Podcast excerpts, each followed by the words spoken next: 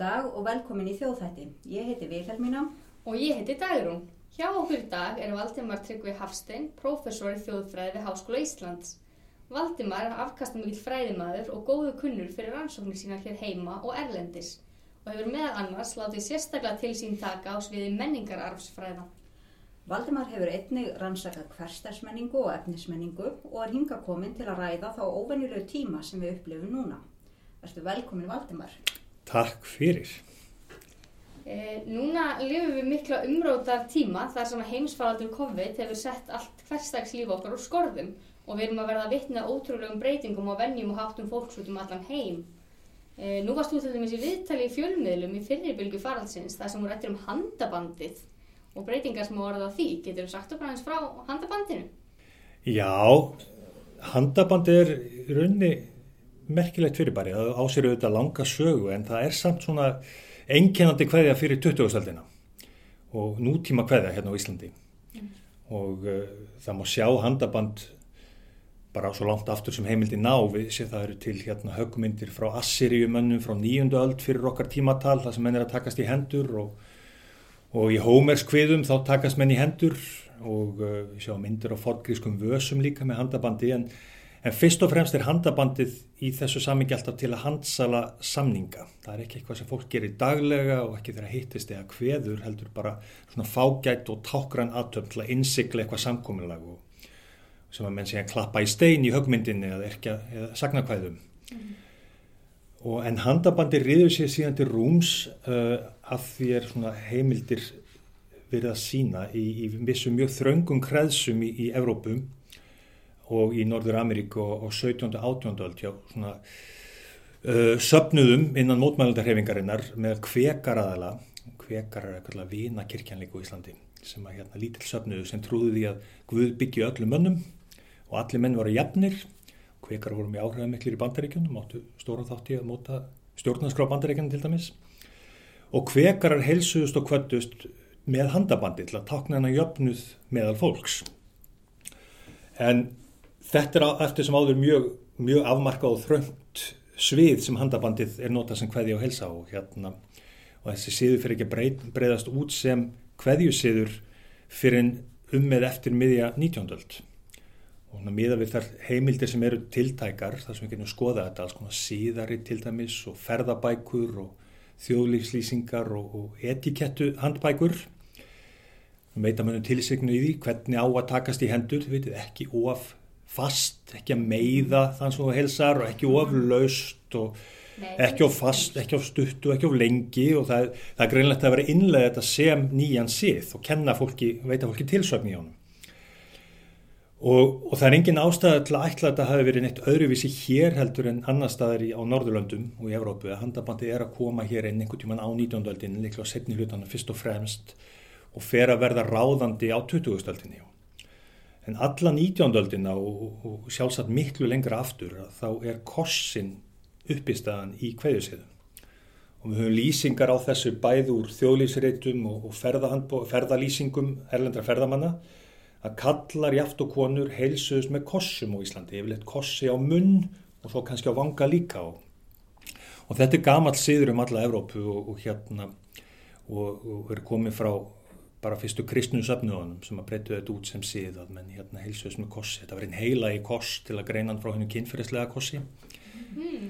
og, og breyðist út með kristninni og, og hérna og svo og er ráðandi mjög lengi og svo gerist það undir lok 19. aldar og á 20. aldinni að, að, að kossasiðun lítur í lagra haldi fyrir, fyrir handabandinu sem verður í nýja ráðandi hverja og hérna og það eru mjög skemmtilega lýsingar til á þessu frá lokum 19. aldar og upp á 20. aldar þegar borgarastéttin í Reykjavík er að skera upp herur gegn hveðjukossinum og reyna innlega nýja siði í staðin aðalega þennan að helsa á hveðja með handabandi eða taka á hann hattin eða bara helsast á hveðjas með orðum og, eh, og það er dagskráin sem var tímaritt eða blað sem kom hér út fyrir kringum aldamótin að þar byrtist naflus pistill 1896 sem að gaggrinja hversu ógeðslegir hverjusýðir Íslendinga séu og til þess fallin að breyða út sjúkdóma.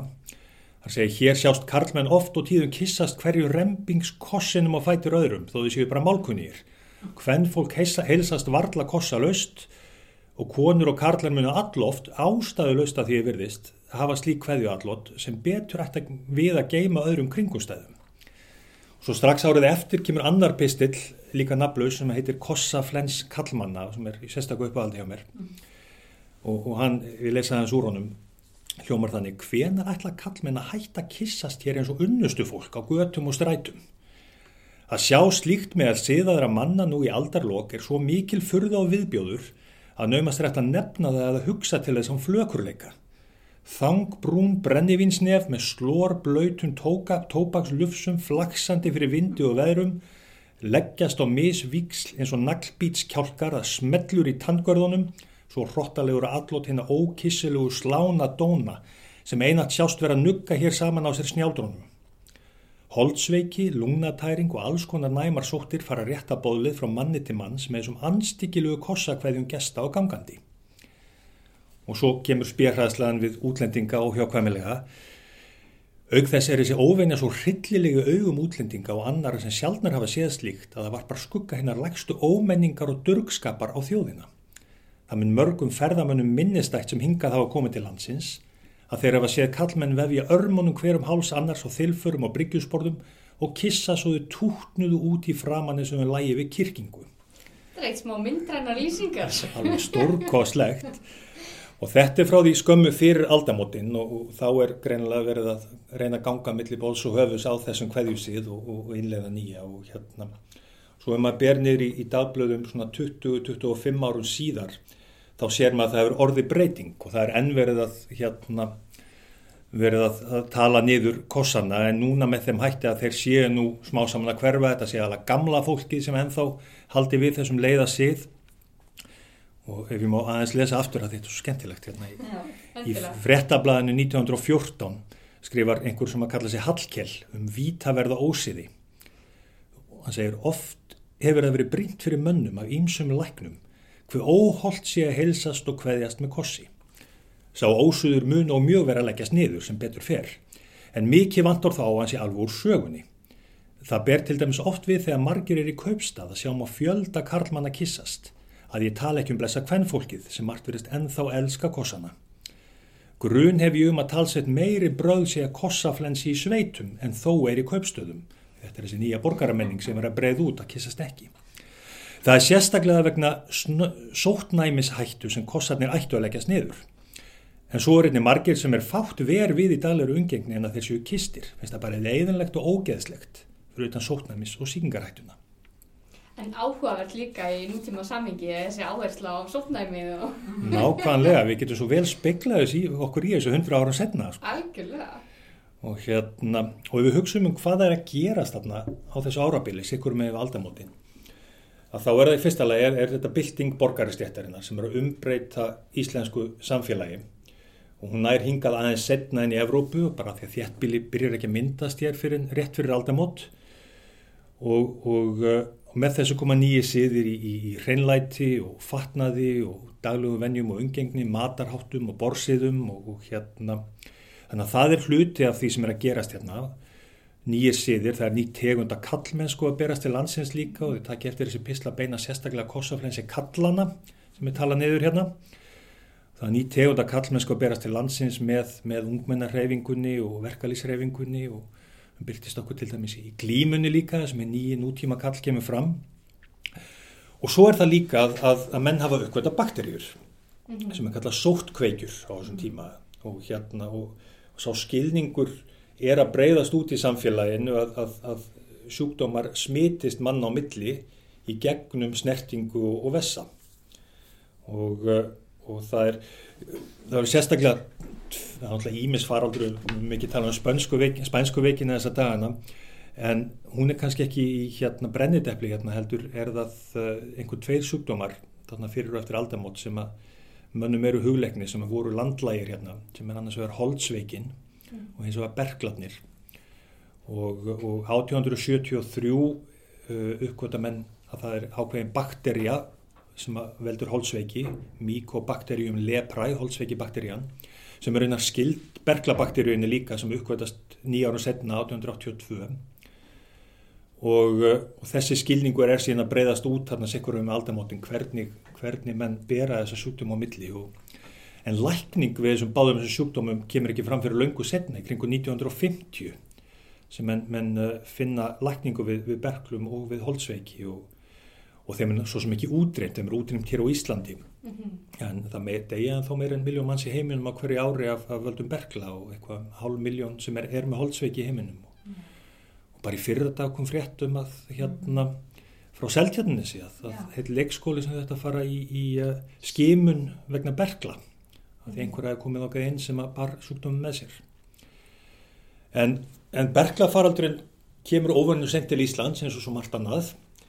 Og hérna og það bara tengist aftur þessari þéttbílismyndun að hérna berglarnir eru fyrst og fremst uh, sjúkdám sem tengist þéttbíli, breytist út þar og, og uh, breyðist út á Íslandi við upp af 20. aldar þegar byggðin fyrir að þéttast og er algengasta dánur ársök reykvikinga á áránum 1911-1925 og hafði verið algengasta dánurársökin í, í borgum í Evrópu og, Ameríku á 19. öld og uh, rétt fyrir aldamótin 1900 þá byrjar stríð gegn berglum í Evrópu og Ameríku og, menn leggja mikla áherslu í þessu stríði gegn berglónum á, á baróttuna gegn rækingum mm. og, uh, og þetta er sérstaklega þetta er aftur hluti af þessari byltingu borgaristættarina líka þetta er hluti af því að temja fólki nýja siði og nýja umgengni við líkamann og líkansvessana og, og hérna og þetta er fyrst og fremst eh, menta fólk og borgaristættin og fjölmjöla menn sem er að breyða út baróttuna gegn berglum og borgariðuðöld til þess að menta verkamenn og bænda fólk í því að hætta rækja með þessum hætti og hérna.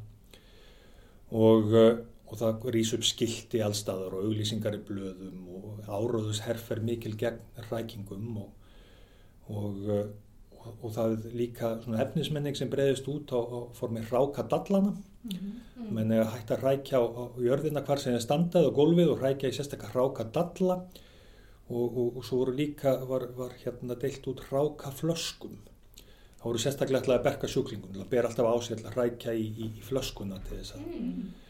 Og þetta er, þetta er nú til á minjasöfnum hérna, en, en mjög fá eintök og það er sérstaklega að ráka flöskonum af því að, af því að yfirleitt var reynd að brenna allt sem að berglar hefur komið nálegt svona heilig málsins sangvænt en um, en viða var lagt bara beinlinis blátt bannviði, lögbann á, á rækingar bannviði að rækja á almannafæri og götur og gangstjettir og í sporvögnum og strætisvögnum og, og slíku í ofnmjöru byggingum og, og og mjög marga borgir í bandregnum með Evrópu sem tók upp slikt bann.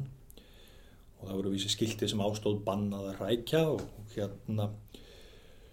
Og eh, en það var auðvitað margt annað sem átti þátt í útbreyslu berka, berkla heldur en ráki mm -hmm. og var kannski ekkit aðalegin heldur. Mm -hmm. uh, og bara ómikið þrengsli og lélega loftgæði og svona hluti sem við þekkjum líka með félagsveri forðun og loftun og allt þetta núna hérna, já, akkurat, það var mjög margt sem áttu þátti útverðislu bergla sem tengdist ekkit spýtingu eða rækingu sem slíku en, en, en, en einhvern veginn gerist það þarna þeir sem að rækja þetta er eitthvað sem er hægt að taka auðveldlega á, miklu erfiðar að, að taka á sko, hérna, þrengslum í, í fátækluðum hérna, húsakinnum og þá gerist það að þeir sem að hrækju almannafæri verða svona bara holdgerfing á útbreyslu smittsjúkdóma og, uh, og uh, hérna menn hætta þess ekkert, þetta ber ekkert árangu strax. Það tekur talsverðan tíma að ná þessu niður. En, en, en uh, þetta er tengt við sjúkdóma, þetta er tengt við viðbjóð. Menn fara að hafa ógeð á þessu og það er unni miklu öflugra verkværi til þess að breyta síðum að einrætta fólki viðbjóð heldur en að heldur en að, að vara því við hættum mm -hmm. var það að hættum og hérna. Og, eh, og hér á Íslandi var þetta sjálfsæðu síður og hafi verið mjög lengi. Og erfitt að reykja þetta aftur á bakk því það er ekki mikið talað um rækingar í rítum en, en hérna og ekki mikið efnislega menning sem það skilur eftir sig. En, en þetta var svo langt sem við hefum heimildir aftur sjálfsæðu síður og, og hafi verið um alla Európu og jafn sjálfsagt að rækja eins og bara ræskja sig. Mm -hmm með rættu það sem þau stóðu bara inni, hvort sem það var inni við eða úti við á, á moldagólfið heima eða samkomiðsalunum þegar þeir eru byggðir í kirkju það eru lýsingar úr, úr sóknum af því að það er fólk er stöðut að hækja á gólfið alla messuna og það bara var sjálfsæður hluti líka og við, okkur eftir ofbúslega fjarlægt okkur af því að var, þessi síðu var upprættur. Ótrúlegt að ímyndi sig hvernig svona breytist einhvern veginn, eitthvað svona sem ég finnst alveg sjálfsagt að það sé ógíslegt að rækja, það hefði einhvern tíman bara verið eðlilegt. Já, það var bara sjálfsæðastu hlutir í heimi og, og það er, hér á Íslandi er farið í baróttuna gegn þessu líka og, og, og það er einn frábær heimild úr þeim, þeirri áráðusherrferð er, er hérna Ritgerð Haldors Lagsnes um, um þreifnað á Íslandi sem byrtist í, í tímaritinu Íðunni 1928 og svo hendur byrti í alþjóðubókinu og margir hafa lesið og þar segir hann að, að hérna og þar aftur komin þessi þáttíð á þetta að svo var tíðin að Íslandingar ræktu hvar sem þau stóðu meðal hans á gólfin í hýpilin sínum stundum um byrjáfrin fínir gestir ræktur þó vanalega bak við möblutnar eða inn í opnin inn í opnin smart. Já, jáfnvel frá mína daga hafa Íslandingar verið blindir fyrir hennu ósæmilega verið rækingar Þegar ég var lítill drengur, gekk ég til dæmis upp í þeirri dulinni að það var eitt höfu takmörk allara snildar að kunna hrækja mannanega. Átti mér ekki, ekki heitar og óskæðin þá að geta hrækt jafn langt og bóndin okkur í sveitinni. Og svo lýsir hann þróunni bara áratugunum og undan næsta stig Íslendingi hrækingalist var að einlega hrákadallin í stástofunar. Og nú má svo segja að komi sér hrákadallirinn á hvert heimili. Í þessu eru nokkrar framfarir heilbreyðislega séð og tæknar séu frá sjónamiði fegurðar. Vonandi er þó svo tíð í vændum að fullkomnasta stíði náist í þessari grein en það er að kenna Íslandingum að leggja hrækingar niður með öllu. Hrákadallar sjást hvergi hjá síðuðu fólki. Síðaður maður hefur ekki þann ósið að hrækja. Jafnvel ekki þegar hann fara eitt saman fyrir mannavegum. Því síður á borgarstrætum eða innanhús. Hrækingar eru ófyrirgefinarlegu löstur öllum nema brjóstveikum mönnum eða kvefuðum og þeir eiga að var hrákaglas meðferðis. Mm. Og sem er stokk og nokkrum árum áður er líka til Reykjavíkur lýsing eða lýsing á Reykjavíkur ferð sem að byrtist í, í, hérna, í Íslendingi eftir Jóhann Skefingi Jóhannesson og hann er einmitt að lýsa hérna þjættbílinu og frá þessu sjónaráli smittættu og tala hann á rákan og segir hættan á að smittast af ymsum sjúkdómum með meiri fjölmenninu vegna þess að hreinlæti og varuðareglur er ekki auknar og svo nöðsynlegt er. Erum við í Íslendingar langt frá því að vera hreinlátt þjóð Tökum til dæmis ráka farganið. Menn rækja á gólfin í flestum samkómuhúsum. Í Reykjavík óhrænleitið allt og mikið. Ekki voru það rákadallar í kirkjónum eða samkómuhúsunum eða þá svo fáir eða kom ekki auga á þá. Og fleiri munið þar hafa rækt á gólfið. Og svo sem við hugsaum bara um, um samtíman og hérna Irishman Pub og hérna mm. samkómistæðina er ég hissa á hver heilbriðis eftir litið lítið með ofinveru samkómum. Loftrætsting ætti að vera góðu lægi, rákadallar nóir og sótvarnameðlun notuði hvert skipti um samkomur varu haldnar. Þannig að þarna höfum við dæmi um, um tvo siði sem var svo gott sem útrýmt á þessu sama árabili á fyrirlöta 20. aldar. Rækingar annarsvegar og hins vegar að heilsast og hverjast með kossum. Mm. Og þetta gera minn hvort við ekki ennþá. Þetta er ekki svona sjálfsæður hluti af, af, af öllu daglugu lífi lengur eins og, eins og þarna var. Þannig það, svo kemur þarna tímabil meina, hrækingar verða eins og við sjáum í svona textu mjög andfélagslegar í rauninni og það, þeim er útrýmt og, og, og þeir eru hugmyndi breytt út að þessu ógeðslegt að rækja og það sé ógeðslegt gagvart öðru fólki.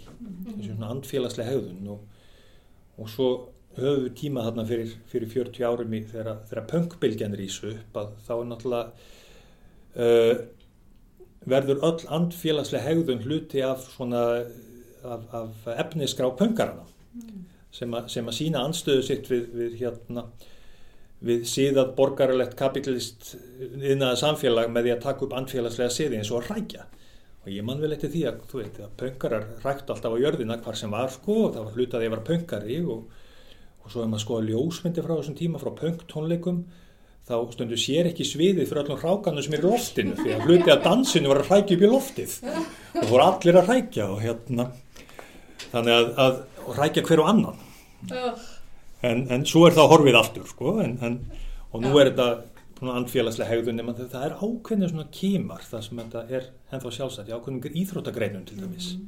Fókbótið, ekki? Já, já, akkurat mm. rækja minn og það þykir einhvern veginn alveg sjálfsagt sko. en það er samt mjög afmarkað svið mm. og uh, enda fá menn ekkert að spila fókbóta núna í farandurinnum það er eitthvað búið að lítið Nei, stór hættulegt út af rákana. Og svo maður hugsaður um kossana þetta kissist fólk ennþá sko, en, en, en það er Ekki blöytir. ekki blöytir kossar á munnin allavega ekki við ókunnugt fólk eða lítkunnugt, málkunnugt og, og það er svona mikið þrengra mengi sem maður kissir heilsar á hverju með kossi er það ekki? Ákveðin tækifæri á ákveðin mengi þannig að fyrir vikið er miklu meira tákildi í því í rauninni heldur en var alveg svo hrækingarnar auðvitað hafa miklu meira tákildi af því að það eru útskoðaði núna en, en hérna. Og svo ef við hugsaum um bara okkar daga þá er handabandið verið að fá svona, kannski ekki jafn mikla því við höfum ekki haft jafn tíma, ekki tíma til þess ennþá en verið að fá aldrei þess að sömu tákleðslu á þessu ári eins og, eins og hrækingarnar fyrir hundra árum. Mm -hmm. handabandir eru svona ímynd koronasmitsins. Já, og mann liðið aldrei eins og fólk sem að, sem að rétti manni ennþá höndin alltaf heilsa mann sér en að drepa mann að ekki það, maður hittir aldrei neitt þannig að maður heilsar engum lengur en alltaf heilliðin á þessu. En já, eins og sagðir Darun, ég var spurður í, út í þetta í fréttatíma í, í mars á þessu ári þegar þetta var rétt að byrja og hérna. Og þá kom sjómasfréttamaður sem að hérna var hann þreyttur á, á að rapportera þessa daglugu fundi og hérna þrýekisins og vildi reyna að finna einhver nýja vinkil á farsótafréttinar og, og hafði upp á þjóðfræðingi til þess að, til þess að spyrjum daglega síðu venjur og áhrif faraldursins og, og spurði sem sagt í viðtalinu hvort að þetta óttast um, um framtíð handabansins hvort að koronaveiran geti útrýmt þessum síð og, og, uh, og ég var að fletta þessu upp núna ára við hittumst og ég sé að, að hérna einmitt rétt áður var, var hérna aðalvarstjóri hjá almanvarðnadeild ríkislauruglustjóra Rökkvaldur Ólason búin að gefa þetta á yfirlýsingu að faraldurinn var komin á þann stað að nú ættu Íslendingar að hættu öllum handaböndum og kossaflensi. Þannig að tilmælinn voru komin og, og ég svaraði fréttamanninum á þá leið að, að það veri kannski spurning hvað faraldurinn myndi standa lengi hvað áhrif hann hefði síðan til langs tíma. En og það er spurning hversu fljót við erum að venjast af, af fyrri síðum og, og þægendarömmum og, og inn í þessa nýju hvað finnst ykkur, eru þið komnar á þann stað eitthvað, finnst þetta óþægilegt Að heilsast, Já. klálega. Ég upplýði þetta sem árás. mm. Alltaf því. Já, Mér finnst bara ótrúlegt hvað maður er einhvern veginn fljótur að aðlagast og svona taka upp Mhm. einhverja nýja seiði og bara, en mér finnst ég mjög fljótur að detta tilbaka. já Allan að þegar kom pásan í sumar, mm þá svona datt ég tilbaka með sumt, en ég var samt ekki, ég fór ekki aftur að faðma fólk. Nei, akkurat Mér fannst það ennþá eitthvað svona aðeins yfir strikið, ennþá að vera í mínu persónulegu byggjum hérna. Já, við máttum nú alla við þessu Íslendingar sko. minni námt og snertingu Nákvæmlega, þetta er sumum, ég held að sumir takja þessar afsökun fagnandi. Já, Þess að akkurat þurfa ekki að faðma fólki hérna. Já, nákvæmlega eins og, eins og var líst þarna einmitt frá, frá hérna En þessu, þessu var sleið upp í, sagt, í, í fréttum undir fyrirsögninni dagar handabansins gætu verið taldið. Mjög dramatist og kannski fullvel í látið því þetta er svona klikkbeitt fyrirsögn Já. en, en samt, samt höfum við þessi sögulugu fordæmi. Þeim er alls ekkert svo gömul ef maður pælir í því að hérna, um mjög útbreytt á almenna siði sjálfsögða hluti að dalugu lífi einhvern veginn sem er rauninni útbyllt eða umbylt eða útrýmt af, af hérna, sem daglugum venjum og það gerist einmitt í tengslum við farsóttir. Þar sem að þessi siðir að, að heilsast og kveðast með kossi og að, og að hérna rækja verða svona tákmyndir fyrir faraldurinn. Holdgerfing bakteríana og smitsins og, og um, já, fólk er svo sem löngu hættar rétt að fara höndinu að ég heiti það. Ég meina, Já, það er ekki dætt okkur það í hug hérna. Nei, Nei. nákvæmlega. Þetta er svona handabandið nánast geislavirt núna en, en, en það er spurning hvað það lífi lengi og, og, og hérna það verðist allavega líklegt með nýjustu fréttir en maður leifir sér að vera aðeins bjart síðan að hérna, þessi faraldur standinu ekki mikið meir en ár þegar allt er talið ef, að, ef allt gengur eftir með bólöfnin og 7.13 Já, nákvæmlega. og, og það er spurning hversu varlan áhrif hann hefur þá síðu og venjur en, en hérna og, og fyrir utan handabandi nú er jólahaldi í gangi gar til dæmis og, Já. það verður mjög óvenjulegt Mhm. óvenjulegum hætti en það eru öruglega eða væntanlega einskiptis áhrif ég rekna með að jólinn á næsta ári Mhm. verða bara aftur eins og þau voru er það ekki? Ég vonandi, ég vona, en jú, einmitt, á jólinu er náttúrulega svona kossa og knúsa sísón, myndi held ég að sé óhætt að segja fyrir marga. Já, Þannig að þau verða pottjett öðruvísi. En svo áhugaverti mitt með hérna eins og að segja með handabandi sem að er sjálfstæður, nei, hérna, sjálfstæður hluti Mhm. af lífinu okkar en einhvern veginn, og svo lýsandi fyrir þjóðfræðinni, eitthvað sem er geðveikt sjálfsagt, Já, en eru þetta ekki sjálfsagt. akkurat, betur er að gáð, sko, nákvæmlega.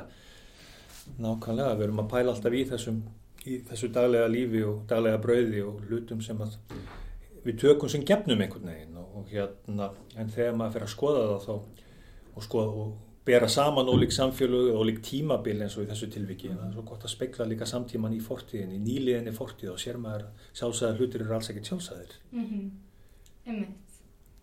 En núna eru fleiri fræðigreinar sem fást einmitt við svona samfélagsskoðun í rauninni. En hvernig mynd þú segja að væri svona sérstæða þjóðfræðinar? Já, uh, hún er svona, hún hefur þróast í svona,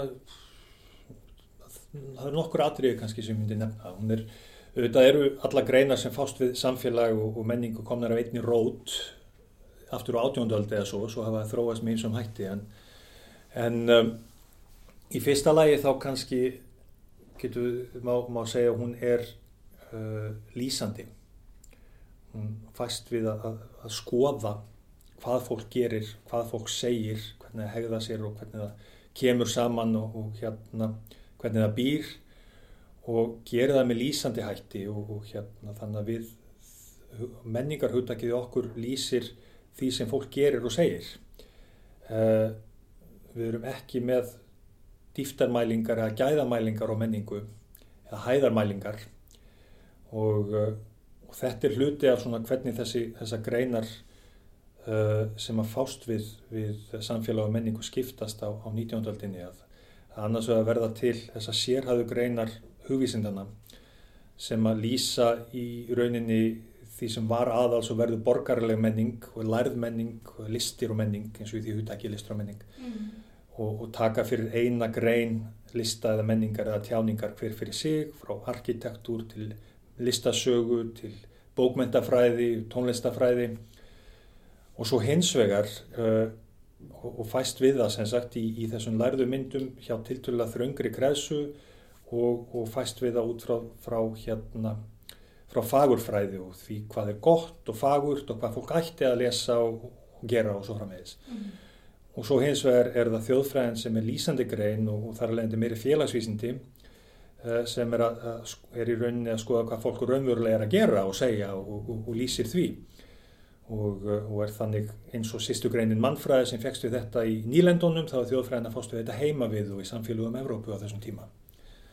Og, uh, og, og með áherslu uppröðulega á, á, á hérna sveitirnar og á, á þjóðþætti sem menn ímynda sér að sé á hverfandakveli meðan félagsfræðin, annars sýstu greinir að fástu þetta í borgonum og hvað er að verða til í kringum yðnaðin og verksmiðurnar og þéttbílið og svo þetta riðlast þessi mörku all á 2000-öldinni en þannig að það er eitt, við erum lýsandi grein, við erum ekki normatív við erum ekki að miða því að eyða eða breyða út eða heldur frekar að skilja og ef við breyðum eitthvað út þá við að reyna að breyða út skilning.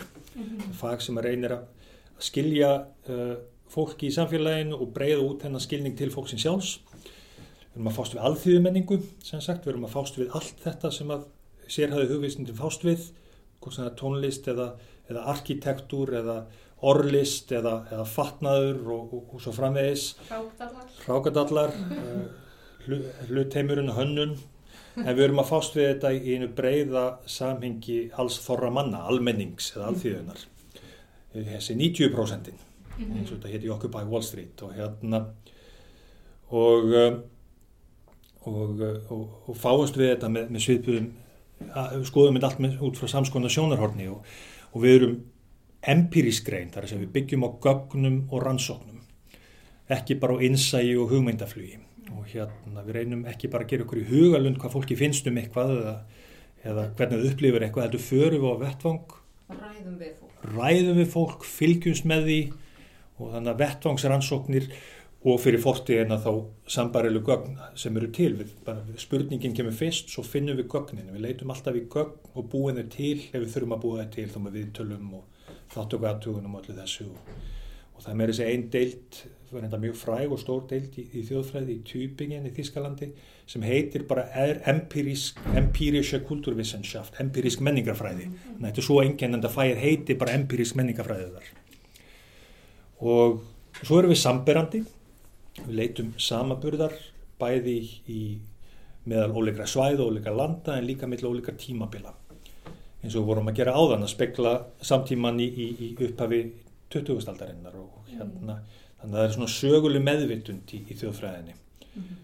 uh, sem er ekkit endilega með sama hætti í, í sýstu greinunum í félagsvísindun til dæmis. Í mannfræð og félagsræði er vissulega til söguleg mannfræði og söguleg félagsræði það er algjör svona minnilhutaströymur þar en er alveg mainstream í, þjóðfræðinni mm. Þannig að ég myndi segja að þetta séu svona líkil líkil enkennin áhug og svo áhugin allavega svo daglega og daglegu lífi og, og daglegu bröði Einmitt að þjóðfræðiransóknir eins og þú segir fjalla ofti um heið smáa og hverstaslega og kannski það sem er líkt sínilegt En hérna, af hverju er rannsaka hverstarslíf? Hvað geta svoleiðis rannsóknir sagt okkur?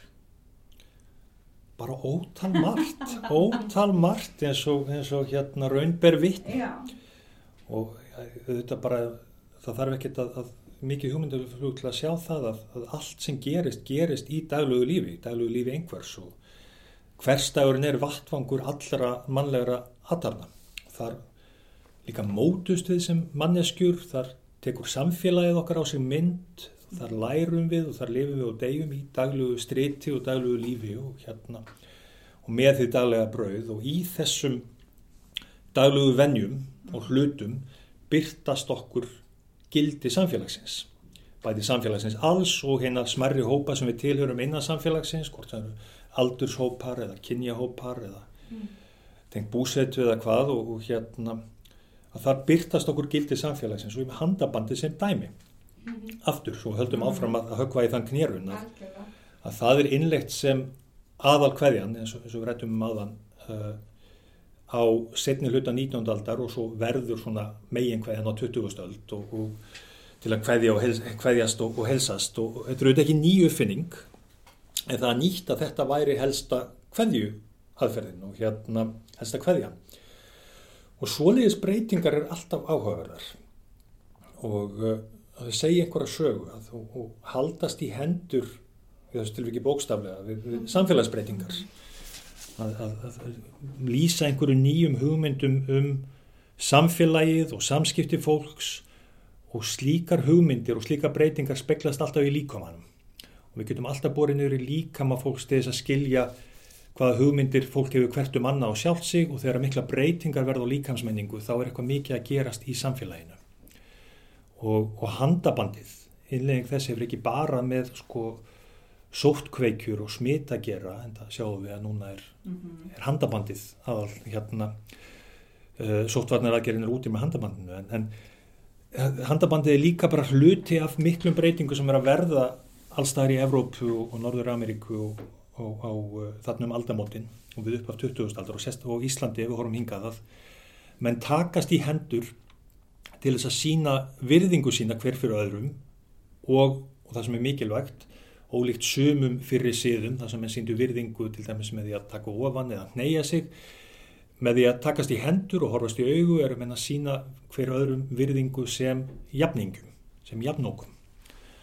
Og og uh, það er ekki bara uh, borgar, borgarlega upplýsandi, borgarlega upplýsandi öll sem er einlega handabandið, verkefliðsfélagin leikur líkil þátt í einlega handabandið mm. og ef maður skoðar hérna sögu verkefliðsfélaga undir lok 19. aldar í Evrópu og byrjan 20. aldar þá er tákmynd verkefliðsfélaga en það er ekki steittin hefinn sem við þekkjum frá því eftir, eftir fyrirstrið heldur er það handabandið mm og utan á samkómuhúsum verkefæliðsfélagin er mynd af mönnum að takast í hendur eða höndum sem takast í hendur handabandi og fánar þeirra eru með handabandinu. Og handabandi er, er tákmynd verkefæliðsbaróttunar og sem er barótta fyrir nýju samfélagi jafningja jafnaðarsamfélagi og, og ungmennarhefingin sömu leiðis notar handabandið mjög mikið og, og bæði verkefæliðsfélagin og ungmennarhefingin ega minnstókstu jafnmikinn þátt eins og hinn borgarlöfli að bera handabandið til Ísland sem nýja kveðju sem nýja nýjan síð til þess að kveðjast og helsast sem á að taka yfir, þó hann séu þetta eldri að taka yfir sem megin kveðjan í stað kossana og, og annars og hérna að með handabandin, með handabandin erum einnig rauninni að holdgera og innsikla nýtt gildismat og, og nýja stöðu í nýju samfélagi sem henn er að reyna að búa til og uh, hugsaðu ykkur bara hvað nú, glíman verður mótnað svona sem þessi grein sem við þekkjum þarna við upp af 20. aldar og, uh, og í glímu lögum segir að menn eigi að takast í hendur við upphaf og lok hverja glímu. Og hugsaðu ykkur bara hvað þessi íþrótt hefur litið öðruvís út en menn átt að kissast á munnin við upphaf og lok hverja glímu.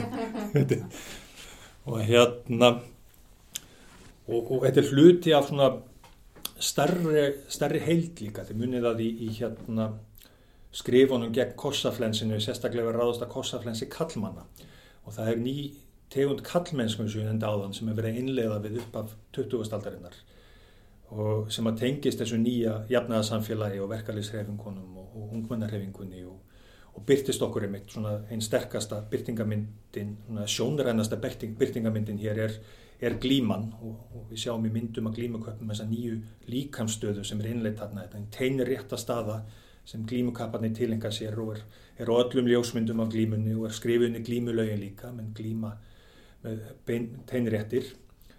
Þetta ekki sérstaklega líti á glímu að bóla, að beigja sig og íta og hérna og þetta er hluti af nýri ímynd uh, upprétts og stolts alþjóðu fólk sem að horfi framann í aðra sem jafninga sína. Sem handabandi kemur inn og hefur beina bak líka og, og steitt steinarirkir háðuvísu um, um, um, um, ekki um þetta heldur um hérna, með þessu í rauninni sem heitir samrænt göngulag fort eða tala um samrænt göngulag fort að hérna, álútir skulum en standa og bognir og hoknir í, í herðum og horfa með stilling og fest á íslenska jörð þegar við fyrir rétt með þetta. Mm. það sem er að gera grínað sem sagt hinnu gamla göngulagi, hinnu gamla líkamstöðu það sem menn eru hoknur og horfa niður nú er að menn að horfa framann í hvern mann sem jafningja jafnvel um hábjartan dag takast í hendur. Og þetta er ekki bara táknum um gildi samfélagsins heldur eiga þessir síðir beilinins hluti að innleiða þessi gildi og viðhalda þeim að breyta samfélaginu. Og við mótum síðin og þeir móta síðan okkur. Og, og annað dæmi um það í daglegu lífi hverjum aðeins var handabandinu í augnablík hérna er bara heimilisættir. Mm -hmm ef við hugsaum um hvernig heimili og speklum okkur aftur í, í fortíðinni hvernig heimil okkar hafa breyst frá því á, á, á hérna 19. öld uh, hvernig hvernig vekkir taka rýsa inn á heimilum frá því að baðstofan sé svo staðið þar sem allir uh, vinna, uh, kvílast matast og, og hafast við jaft, jaft hérna húsbændur sem hjú, fullonu sem börn. Þetta hefur ákveðna vísunum í samtíman líka, það sem að stofan er orðin vinnustæðurinn. Akkurat, sko. og heimili. Nákvæmlega, nákvæmlega, sko. Heimilishættinir. Og, og svo fara, fara, fara menn að reysa veggi og, og, og hérna fyrst fara húsbændurnir að, að, að stúka sig af með sérstökur hjónaherbergi og það má ekki hver sem er farin í hjónaherbergið og hérna og þar, þar er bara, er nýtegund aðgreiningar sem við sjáum í vekkjónum og, og, og þeir sem alast upp í svoleiðis húsnæði frá blötu barsbeini það þarf ekki að segja þeim hver og heima hvar, það þarf ekki að setja þessu hluti í orð, þetta verður bara hlutaði hvernig við öllumst upp, hvernig þögul félagsmótun. Mm -hmm. og, síðan kemur badnaherbergið þegar hér fara að koma inn nýjar hugmyndur um æskuna sem algjörlega aðgreint tímabil, það sem er ekki bara smávaksið fólk sem gengur til sömu verkaðum leðu að getur, heldur sé æskan eitthvað sér tímabil og að smíða vekkir utanum hana. Og, um, og þetta er, kennir okkur hver við erum og hver er kurs og hver er heim og hvar og hver kemur inn framdittnar, hverjum bjóðum inn í forstofuna, hverjum allega inn í stofu, hver sest inn í eldhúsi, hver kemur inn bakdýra megin. Þetta eru hluti sem þarf ekki að setja í orð fyrir þann sem eldst upp á heimili eins og við gerum öll. Heldur bara verður hlutið hvernig við lærum að þekkja og gera mannamun og skilja hverjum með hverjum hvenar og hvernig við umgengust hvert annað og okkur sjálf síðan, baðherbergið þegar það fyrir að er fært inn og verður að sérstöku aflokkuða herbergi með lási, það er nýjar hugmyndir um bligðun og mannslíkamann sem okkur eru tamin og við temjum okkur sem byrtast okkur í þessum bara algjörlega sjálfsögðu daglugu síðum og vennjum sem við spyr, spyrjum aldrei neitt um nema við fyrir með þjóðfræði og hérna en akkurat, þetta eru mjög aktúal spurningar núna. Þannig að þeir líkamnast hérna, einmitt félagsmótunin og, siðirnir og venninar verða hluta okkur í líkamann. Nákvæmlega. Og svo er þetta eins og ég segi, núna er, er þetta aldeilis á döfinni því að, því að þessi mörg sem að ymmit er að mótast eftir að eftir að við förum úr landbúnaðarsamfélagi yfir í yðnaðarsamfélag og með þéttbílismyndun þá, þá förum við að skilja mjög greint á milli heimilis og vinnustæðar. Mm. Og, og þetta er náttúrulega eitthvað sem við öll sem eru núlegandi höfum aðlist uppið og, og ekki öll en, en langt flest og hérna ekki endilega, þú veitir, börn bænda eða rittöfunda kannski, mm. ger ekki hennar greinum unn en, en, en við langt flest höfum aðlist uppið mjög skýran greinum um að fyrir af heimilinu til að vinna og maður tekur helst ekki vinna með sér heim og maður svindlir stundum á því og allt það þetta er náttúrulega allt upp í loft núna og bara mm -hmm. þannig að heimilisættirnir er, er í ruggli og atvinnuhættirnir, þetta er allt í deglinu og, og þar er aftur eins og ég segi hva, hvað eftir, að þessu hefur eftir að taka með okkur Já. og því að sumleiti kannski er, er veiran eða faraldurinn er að flýta fyrir þróun sem að var komin á stað. Við veitum þá bara internetið hefur gert fólki kleift að vinna í fjárvinnu uh, verk sem áður voru alltaf vinn á vinnustad og, og nú allt í unni þurfa mjög margir að gera það og, og svo er spurning myna, verður aðtvinna húsnæði nokkuð tíma jafn mikils virði? Þar er ekki þetta helming á húsnæði fyrir alla skrifstúður og, og svo framvegis að bara helmingurinn vinnur heima þessa vikuna og það er ímislegt sem að hérna getur haft langtíma árið held ég úr, úr farvaldurum á, á daglegt líf og daglega síði og vennjur og heimilishætti og atvinnahætti veit ekki með fatnaðin mm. veit það alltaf stór hlut daglegu lífi er eða hlut daglegu lífi er hvernig hlæðum okkur. svona tegjanlegum buksum jújú, við mitt og svo er hérna hvað heitir það? Hérna svona joggingbuksur á neðan og party on the top sko og hérna já, það sem sést í súmglugganum hérna, á myndinni fjárfundinum já, já, já. Og þetta verður áhrif á aðra hluti og hérna eins og bara kynja hlutverk líka í daglegu lífi og ég veit ekki hversu mikil áhrifin eru hér en ég hef séð rannsóknir erlendis frá þar sem að þar sem að hérna feður í fyrsta sinna upplifa það að vera hluti að daglegu lífi barnana og, og hérna það er ekkert víst að það gangi allt strax tilbaka eða fólks er tilbúið að gefa það eftir þannig að mm. það er áhugaverð líka Ymmi, það er mjög áhugavert að velta fyrir sér þessu hvað mun sitja mm -hmm. eftir og hvað mm -hmm. gengur tilbaka En er þetta ekki eitthvað sem þjóðfræðingar uh, framtíðarinnar munur ansaka þessar samfélagsbreytingar og, og verður viðfámsefnið? Nákvæmlega, alveg eins og við vorum að tala um kossaflensið og, og hérna og allt það sko. Jújú jú, og þjóðfræðingar samtíma svo sem líka en, það er alltaf mjög gott að spekla þetta í, í fortíðinni og gefur okkur svona stað utan við því sjálfsagða og nú til þess að, til þess að sjá hvað er sjálfsagt og hvað gæti verið öðruvísi að því að var öðruvísi ekki fyrir löngu eða er öðruvísi annar staðar. Mm. og hérna já. Já, og þetta er áhugast líka með hreinlætið sem við erum búin að tala þessum sem er mitt á allra vörum en mm -hmm. það veist, núna þetta með að alltaf þú sér um hendirnar og spritta og... Já, er það ekki magnað? Algjörlega og hérna og þessi hugmyndum og, og, og, þessi hreinlætis herrferð sem að fyrir á staðarna við upp af 20. aldar sérstaklega af hlut af innlegging og borgarlega menningar er mótast af kringum ákveðnar hugmyndir um mannslíkamann og við erum alltaf að þvó burt af mannslíkamann því sem á ekki heima á honum og hérna losa, losa okkur lúsina og, og þvó burt óhreinindinn og menn hafa hugmyndir um bakteríur eða softkveikjur sem menn er að losna við með, með þvotti og, og ekki síst handþvotti og, og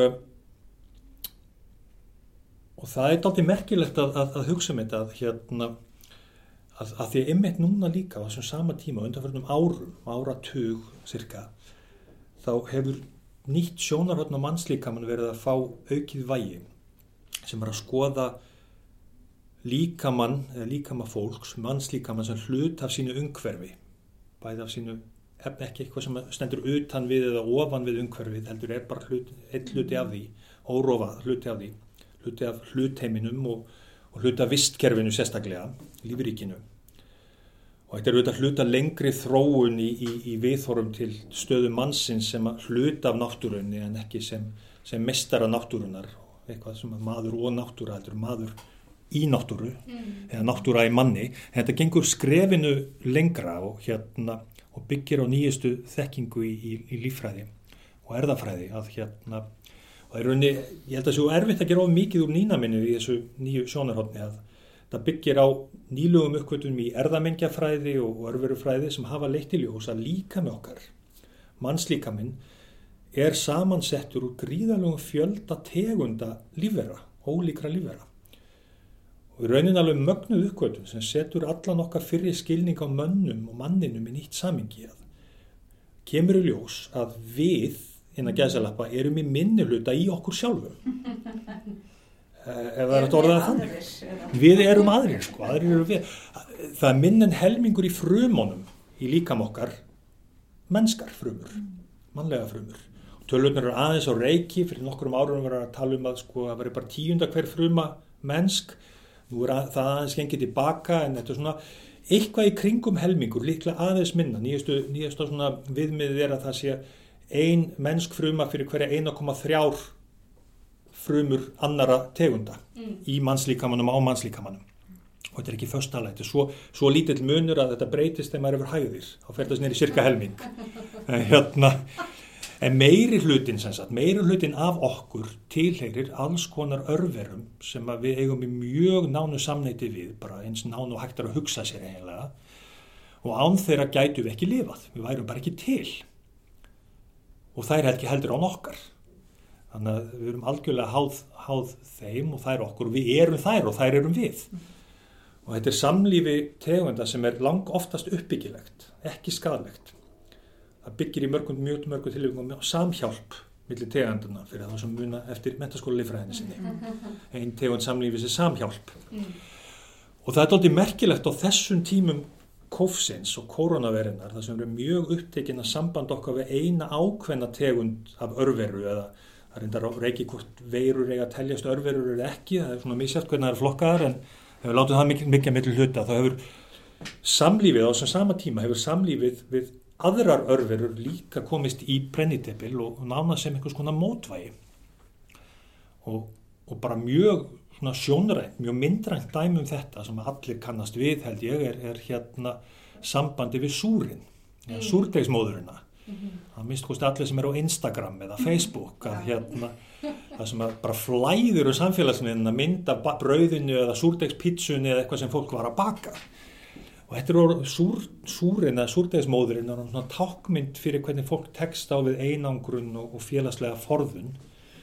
Og hérna og sama, þetta gerast á sama tíma og spritbrúsin er orðin staðalbúnaður á vinnustöðum og vestlunum og heimilum þá flæða myndirnir af, af þessum örverum og, og afrækstri þeirra yfir samfélagsmiðluna ásand með frásögnum um hvernig fólk passar upp á súrdegismóðurina og fólk skiptist á ráðum um hvernig það var gefin að borða og hvað á að geima hann og hvað á að gera ef hann er slöpp og, og, og, og eða ómældum klukkustundum í að pæla í þessari örveru súpu sem að, sem að súrin er og skiptast á ráðum og tala um þetta og gefa súrnum jáfnvel nafn. Veitum, það verður mjög algeng nafn fyrir súrin séu Þórólfur, Alma og Víðir. Og og uh, Facebook-hópurinn Íslenski súrdegið uh, meðlumum þess hefur þeirra á þrefaldast fölg á 4.000 í 12.000 í kófinu no. Þett, og þetta veit ég að því að súrdegismóðurinn sjálf sem að rekur þennan Facebook-hóp Ragnöðu Mæsól er meistarnefn í þjóðfræði og, og er að vinna meistarrannsóknum á sambandi fólks við súrdeg. Þannig að daglegt líf og daglegt brauð þetta er í daglega brauð núna sem maður fást við og, og súrin er sem með alls konar nöfn og færiasúrin og alaskasúrin Ég á sjálfur, ég er endur ekki dugluður að baka en tengdapappi er með súr sem ég kom með til landsins sem heitir, kallaður Alaskasúrin. Mm -hmm. Alaskasúrin er alveg sérlega lífsegt hérna, lífseg örvera sem að uh, ég fekk frá vinnu mínum, þjóðfræðingi, tók Tomsson frá Alaska og sem að kom til Alaska um 1860 eitthvað í tengslum við gullæðið í Alaska.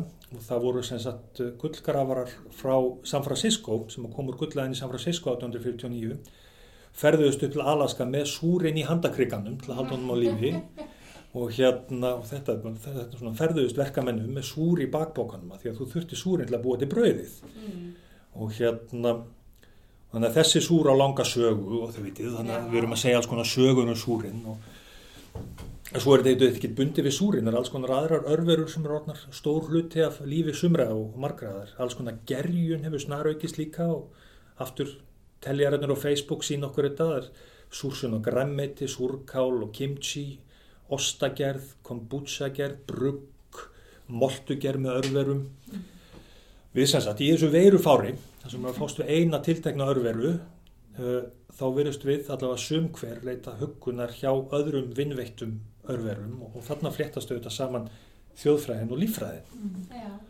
sem ég er mjög áhugavert og, og hérna svona bóðar nýja tíma í, í, í rannsóknum líka og Það er alltaf að verða meira alltaf á þetta þverfæglega og samstarf Já. og milli greina og svona. nákvæmlega og það, þar þurfum við ekki bara að, að, að hérna fara yfir lækin yfir í næstu greina við hliðina og yfir í sýstu greinina þó það sé fínt líka heldur þetta að tegja sig hérna yfir suðugutuna og hringbrutuna yfir í, yfir í greinar sem að sem að voru aðskildar frá því sem hefur orðið að þjóðfræði og, og, og sýstu greinum mjög snemma fyrir mörg hundru ára og en við getum skoðið líka heimili frá samar sjónarhóttni og það hefur verið gert. Það hefur komið ljós á öllum heimilum með mikil örveru flóra heimilið er eiginlega bara lífríki með ótal, ótal tegundum hérna líf, lífvera hvar sem litið er.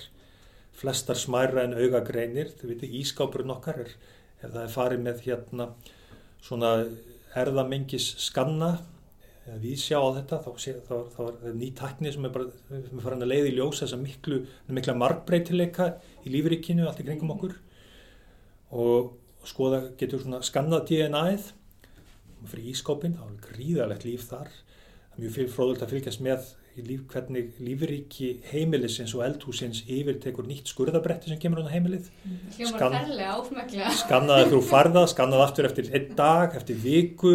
Sjá bara hvernig sko þetta verður hluti af vistkerfinu. Mm. okkur finnst þetta ógeðslegt að því við höfum eldri hugmyndir sko, um, að, um, um aðskilnað en, en í rauninni við að temja okkur þessar nýju hugmyndir. Þetta eru, við erum fann að tala um góðgerla þau veitir, fólk er að drekka LGG og Mm. taka inn vísvitandi gerlan og gerl, góðgerlarnir sem við erum í samlífi við eru allt í kringum okkur. Og, og það maður eiginlega að segja sko frá þessu, eða e- eitt skilningur á þessu allavega, eitt sjónarhorn þetta að skoða bara heimilið sem lífveru. Þar sem við erum bara ein örveran í þessari stærri lífveru og, og kollegi minn hérna næstu skrifstofu Sigur Jón Baldur Hafsteinsson og, Tinna Gretastóttir til dæmis hafa verið að varpa þessari hugmynd aftur í fortíðin og skoða torbæin sem lífveru, þar sem maðurinn er bara eitt hluti af einhverju stærri lífveru í torfinu sem er torfinu náttúrulega mjög ríkt í alls konar lífi og örverum, bara lífur ekki út af fyrir sig. Já, mjög áhugavert og svona þessar breytingar sem er að verða á hérna, hvernig við hugsum um lífríki og en svona breytingar almennt á hefðum og nálgunum. Hvernig taka Eru þjóðfræðingar- þjóðfræðingar bara uppteknir af því að varveita þau upprunalega? Eða Hvernig horfir þetta við þeim? Finnst þér að hljómar þannig? Nei, ég myndi segja bara eins og ég sagði áðan að við erum alveg lýsandi fag, ekki, ekki normatíft, við erum ekki að segja fólki fyrir verkum, við erum ekki að meta gæði eða, eða hérna heldur almennt að segja frá því hvernig hlutinir eru. Uh, svo auðvitað getur manni þótt þess virði að varveita einhverja síði, Mm. Venjur og brauð, en, en hérna En nú hugsa ég bara til annars kollega einn á ganginum Ólafs Rastrik sem að hefur verið að rannsaka og kenna námskeið um ómenningum sem er svona dæmi um, um, um nálgun sem er alls ekki, snýst alls ekki um að varveita, heldur um að hann er að skoða hvað hefur í gegnum tíðina þótt vera spillefni í íslenskri menningu eða hæ, hætta við íslenska menningu, ómenning og, og hérna. Og, og, og hinliðin á umræðinum ómenningu eru auðvitað menningavernd að vilja varveita og passa upp á eitthvað og verja gegn spillandi áhrifum annar staða frá.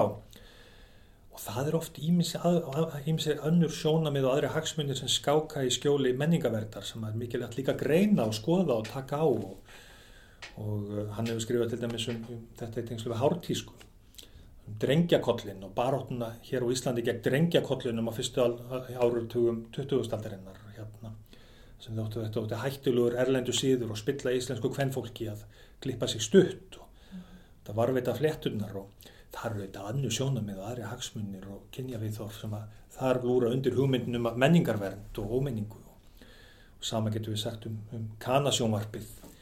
Þið veitir baróttuna gegn kanasjónvarpinu hérna. Uh, hún er sett upp sem barótta gegn uh, heimsvalda tilburðum bandariska heimsveldisins og spillandi áhrifum amerískra menningar á íslenska menningu.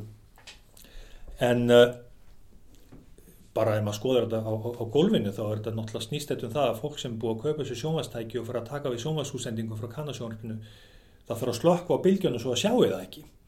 Þannig að það verður að verða fólk fyrir sjálfu sér ekki síst þarna og, og ég meina ég, það má held ég líta að mörguleit á málverð segja sama. Málverð, hvað snýst hún um? Hún snýst um að vernda málið fyrir fólkinu sem talar það, fyrst og fremst. Hvað lúri þar að baki? Mm. Við getum rætt það allavega, ég held að það sé gott að gera það. Já, þetta er mjög spennandi. En svo komum við kannski aðeins aftur í klárum hérna með breytingarnar að, og hvaða breytingar getur verið komnar til að vera.